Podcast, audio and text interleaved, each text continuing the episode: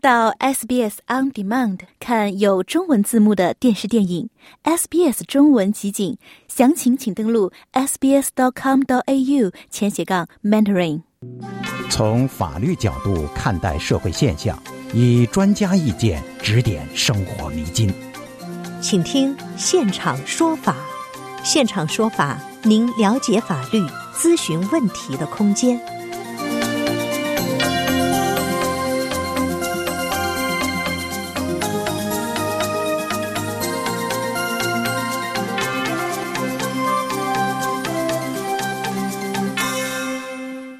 听众朋友您好，欢迎您继续收听 SBS 广播中文普通话节目。在开始现场说法听众热线节目的这个准备阶段，为您放的这首歌呢是叫《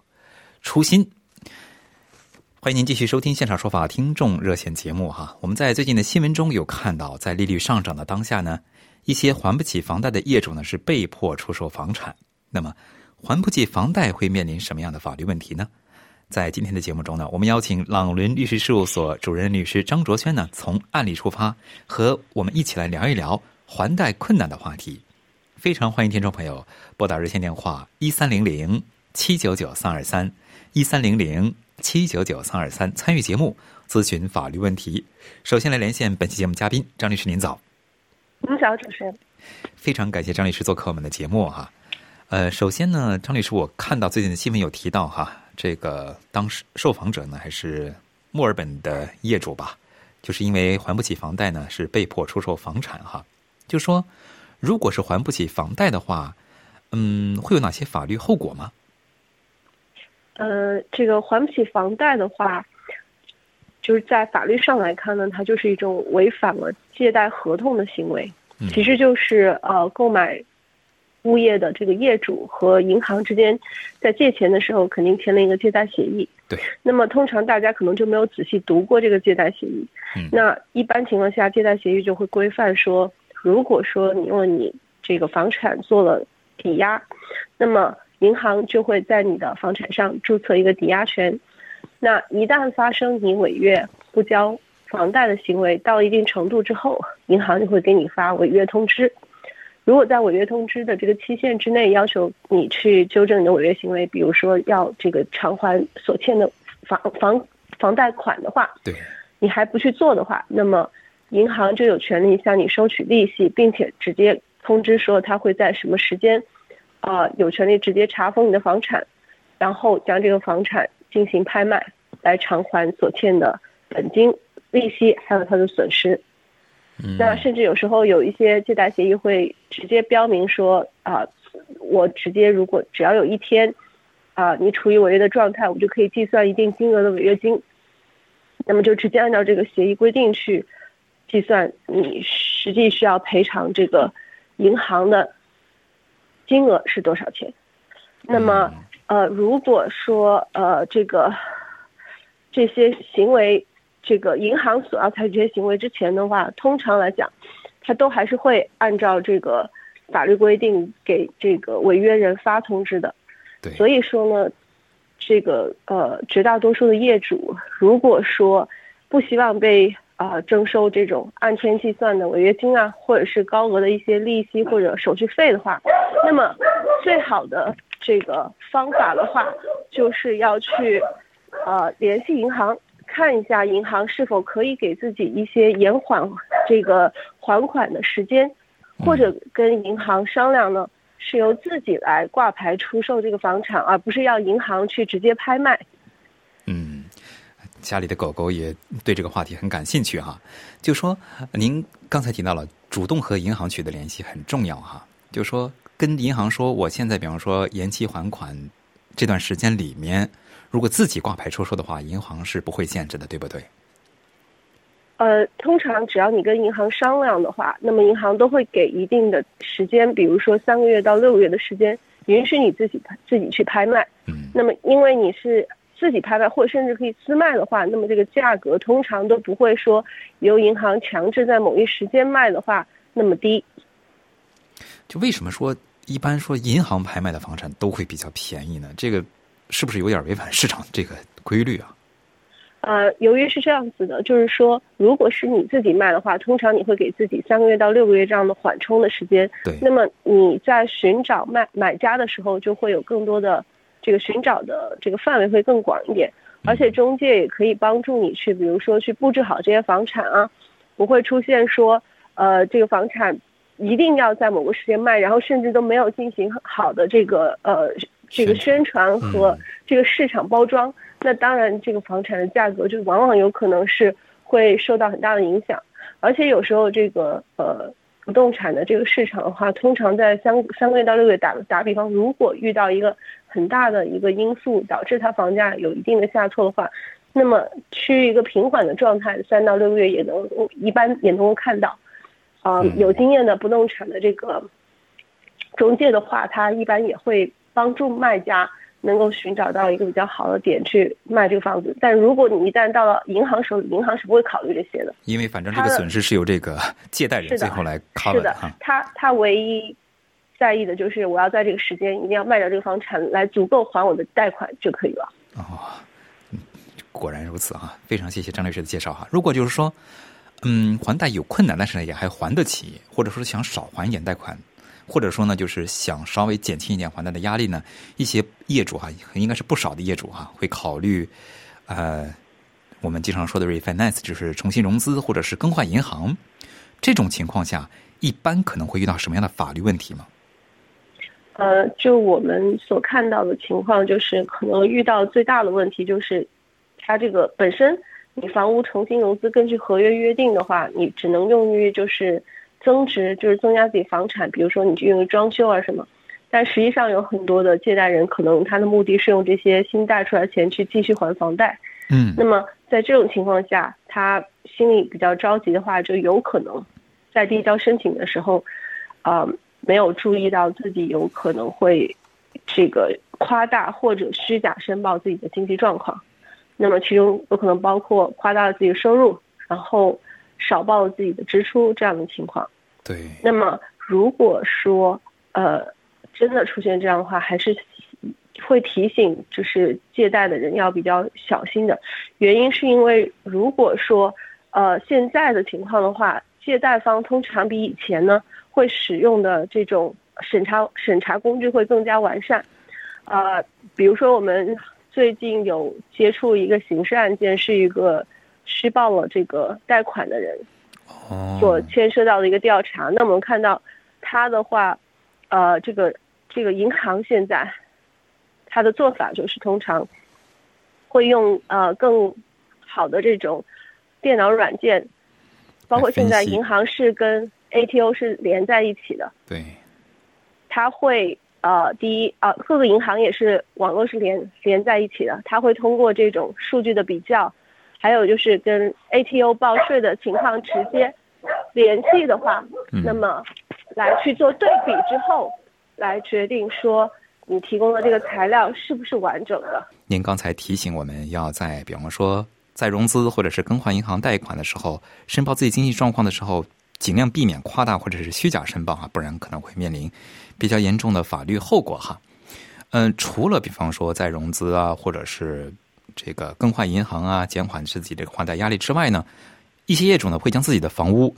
分出一部分来出租哈。这种情况一般会遇到什么样的法律问题呢？呃，这这种情况通常我们就是客户咨询的话，发现的问题主要是房东会误以为说分租的话跟整租是不一样的。嗯，虽然呃法律上是会有一些特殊的这种区别，但是实际上基本上的原则是一致的，呃，甚至分租的这些房东可能遇到的更大的问题就是他们跟这些租户一起住的时候会有这个直接的冲突。对，所以说我们通常会建议分租的这些房东的话，为了保护自己的话，在分租的时候一定还是要跟自己的房客签订书面的租房协议。约定说应该是怎么样去处理一些，比如造成损坏，或者是造成同住人这种呃居住的时候造成了影响的情况该怎么处理。那么如果说出了问题的话，那么就按照法律和合约可以直接到 VCAT 或者是 NCAT 去做解决。那如果甚至遇到这种有暴力行为的租客的话，那么留留好这些约定，还有这些证据之后的话，房东可以直接考虑到警察局去申请这个保护令，或者是到法院去填写自己申请的保护令，让这个房客可以直接离开自己的房产。嗯，就说通过种种的缓解压力哈，可能最终不幸出现一个不幸的情况，就是说个人资产最终是负债失衡了，出现这个还不起房贷、资不抵债的情况哈。之后的后续的一些情况怎么应对？可能会出现什么样的情况呢？是不是就破产了呢？呃，其实很多人都会误以为说，如果真的资不抵债，到最后唯一可能会面临的就是破产。但实际上的话，在破产之前的话，啊，欠债的人还是有很多选择的。嗯，比如说在法律上会规定说，你可以跟讨追讨债务的人，就是追讨债务人自己去注册你去 bankruptcy，就是逼你一定要破产的话。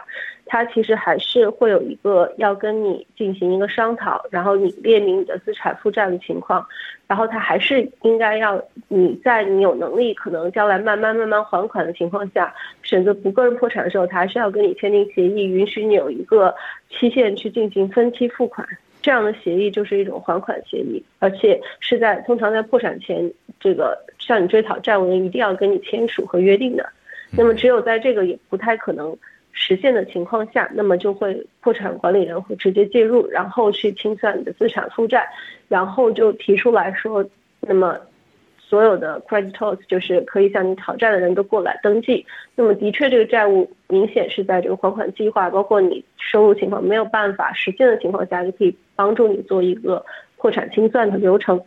那么在这个破产期内的话，啊，你如果有任何的收入超过了。这个最低的呃生活的限额，其实这个生活限额还是挺高的。如果没记错的话，应该是税前九万。嗯，你想这个这个其实还是挺高的一个 规定，就是如果你的收入只有超过税前九万的话，你才需要还这些之前的债务。那么这个破产期过了之后的话，你就不用再还这些债务，只需要破产期过了就不用还这些债务了。对，然后呃，但是当然你的名字会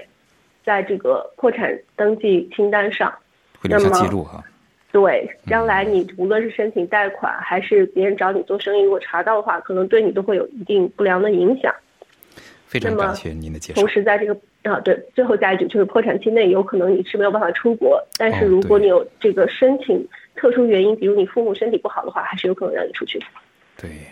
非常感谢张志军律师给我们的介绍和分享。听众朋友，您正在收听的是《现场说法》听众热线节目，我们的热线电话仍然是一三零零七九九三二三一三零零七九九三二三。非常欢迎您参与节目，向我们的嘉宾律师现场咨询法律问题。接下来我们来接听听众电话，这位是贾女士，贾女士您好。呃，律师好，主持人好，是这样子的，我呢买了一处房子，这房子呢是拍卖的。那么我们在那个 settlement day 呢，做了也做了相应的检查，嗯，等那个这个房就是前 vendor 呢，就是因为他们搬家的问题呢，想在里面多住一个星期，那我们就同意了。当时他们就放了两千块钱的，呃，就作为押金吧。嗯，一周以后他们搬走了，那么我们就搬进去了，就出现了两个问题。我的炉子就是我的 oven 有了问题，而且呢，我们用了那个 shower box，那个 shower box 就 leaking。那么我今天想问的就是说，呃，因为我们也知道澳北澳洲的基本的法律就是你买你买这个房子是所见即所得。那么可是呢，就是说发生了这个问题，我有没有可能性，呃，就是说伸张我的权利？那么用什么样的方法我可以？嗯，执行就是说，嗯，用什么样方法来解决我这个问题？我想请问请教一下律师。呃，贾女士，您这种情况，我觉得您想要说获取权利，把这个呃损失，您认为的损失进行修补的话，难度还是有的。因为就像你说的，啊，倒不是说澳洲的法律，而是我所知的绝大数多数的卖房 卖房合同都会约定的非常清楚，嗯，就是你做。签合约的当天，date of sale 的话，你要去做一个 inspection，看了所有的房产的状态，包括你说的这些东西。阿文，你要试有没有问题？我试了，试一下。对，阿阿文当时我试了，炉子试了都没有问题，唯独这个 shower box，你也知道，这个东西你不用，你不你是不知道它会漏的，因为我们搬进去的第二天。对，但但是贾女士，您跟我争没有用，就是如果按照合约严严严格约定的话，就是你在签合同的当时，这个房子的状态是什么样，settlement，你就得接受它是什么样的状态。嗯，那一般这种情况的话，就就就是你是没有办法证明说你签合同当时是没有问题的，或者它不是这样的状态的。所以说，像这种小的损失的话，你像你说的，如果你去主张跟卖家去争，有可能，但是很大程度上，我认为卖家就只需要拿合同这一点，证明说他认为说你没有办法证明说你签合约当时跟现在有这么大的差异。那当然，如果你还能进一步证明说，像你说他们住的期间造成了这个损失的话，那实际上你跟他的这个关系是有点像房东租客的关系。那么你主张要从你的这个他交给你的定金当中扣除这些。维修的费用的话，你可以跟他主张，如果主张不成，你们可以到这个 tribunal 去尝试说让 tribunal 做做一个判断，说这个是不是应当由房东还是由租客来承担这个维修的费用。那个这些东西我们都已经维修了，然后呢，那个 vendor 的要求我们退他的两千块钱的押金，我们跟我的签字律师说我们不同意，那么这个押金一直放在他们的 trust 里面。然后那个 vendor 说要去诉我们到 VCAT，原因是我们不同意退这个两千，那么他们一直也没有去诉，这都这个事情已经一年了，所以我就想，是不是我可以通过 VCAT 去做这个调整？对，你可以的。一一般情况下，像这种房东房客的这种修维修的这种纠纷的话，你只需要去 VCAT 做一个表格申请。如果没记错的话，申请费也就是七十块钱，然后由 VCAT 的人看你们两个双方做举证来决定，比如说。这个百这个维修费用百分比是多少，或者某由某一方来承担？那么我就想想问一下，就是我们以租赁关系呢，还是以买卖关系这种情况去申诉呢？那就要看你的证据了。如果你的证据显示是你，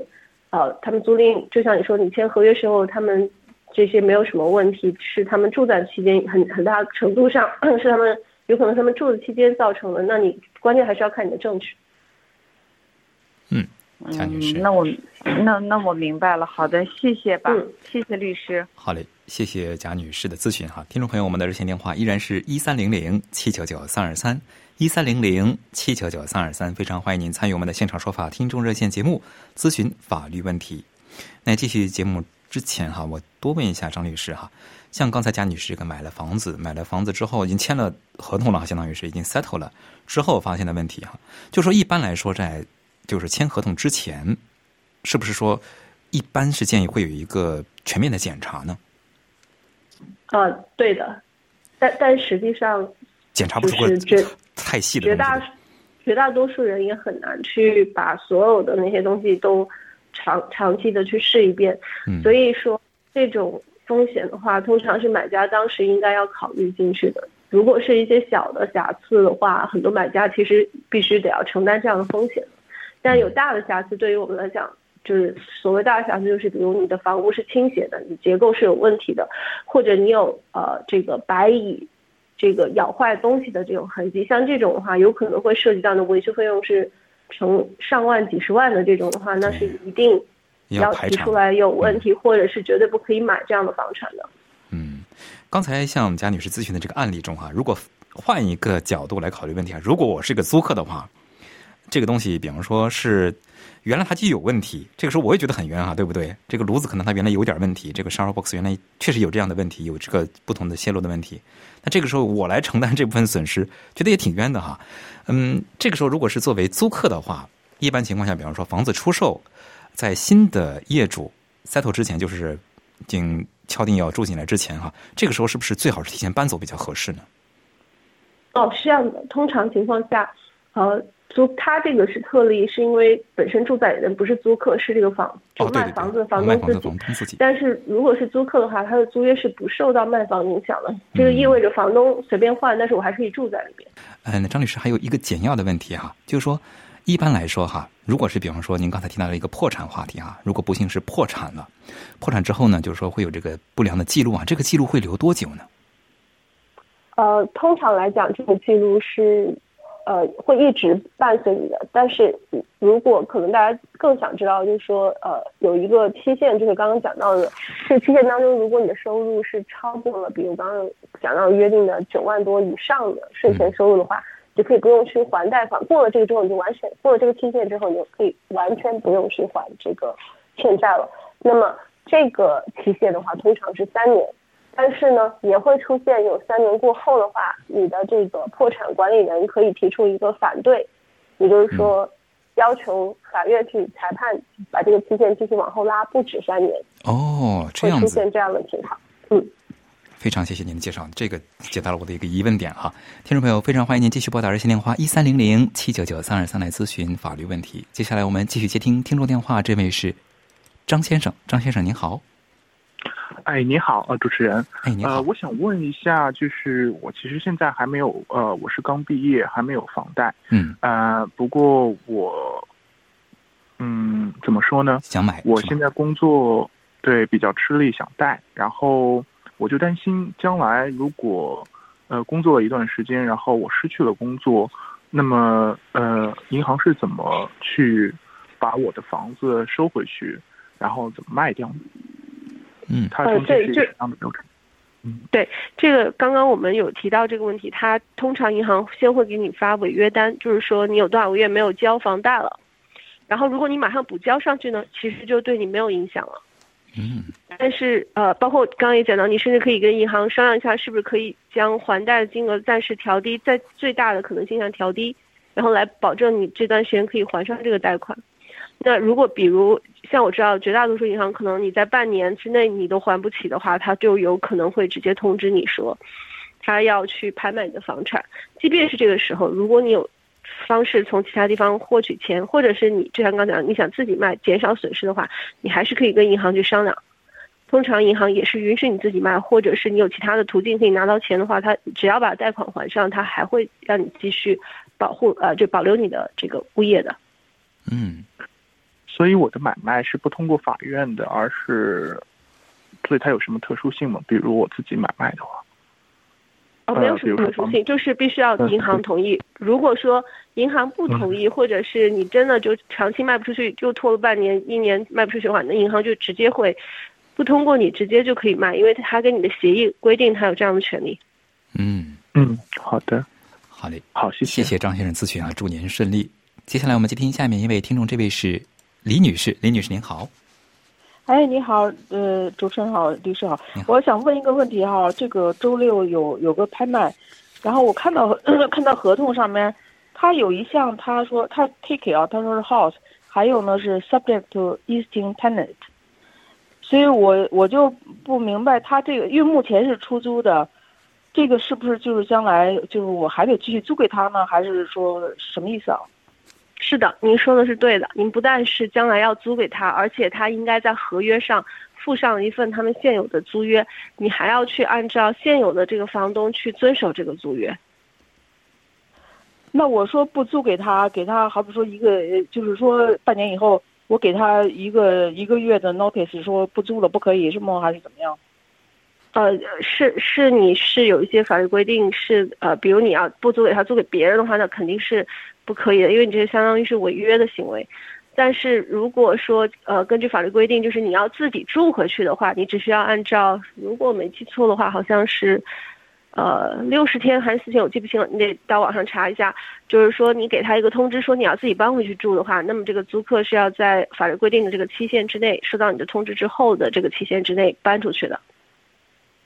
哦，就是说他有这一条，也实际上也就是按照他以前的租约的那个合同来的，是不是？不是说对什么就相当于绝对不您是他搬的，没错，嗯，没错没错，就相当于您是房东了，然后跟他有的这个租约已经被固定了，不能你自己规定这个租约的协议，但是法律上规定的所有房东享有的权利，你仍然享有。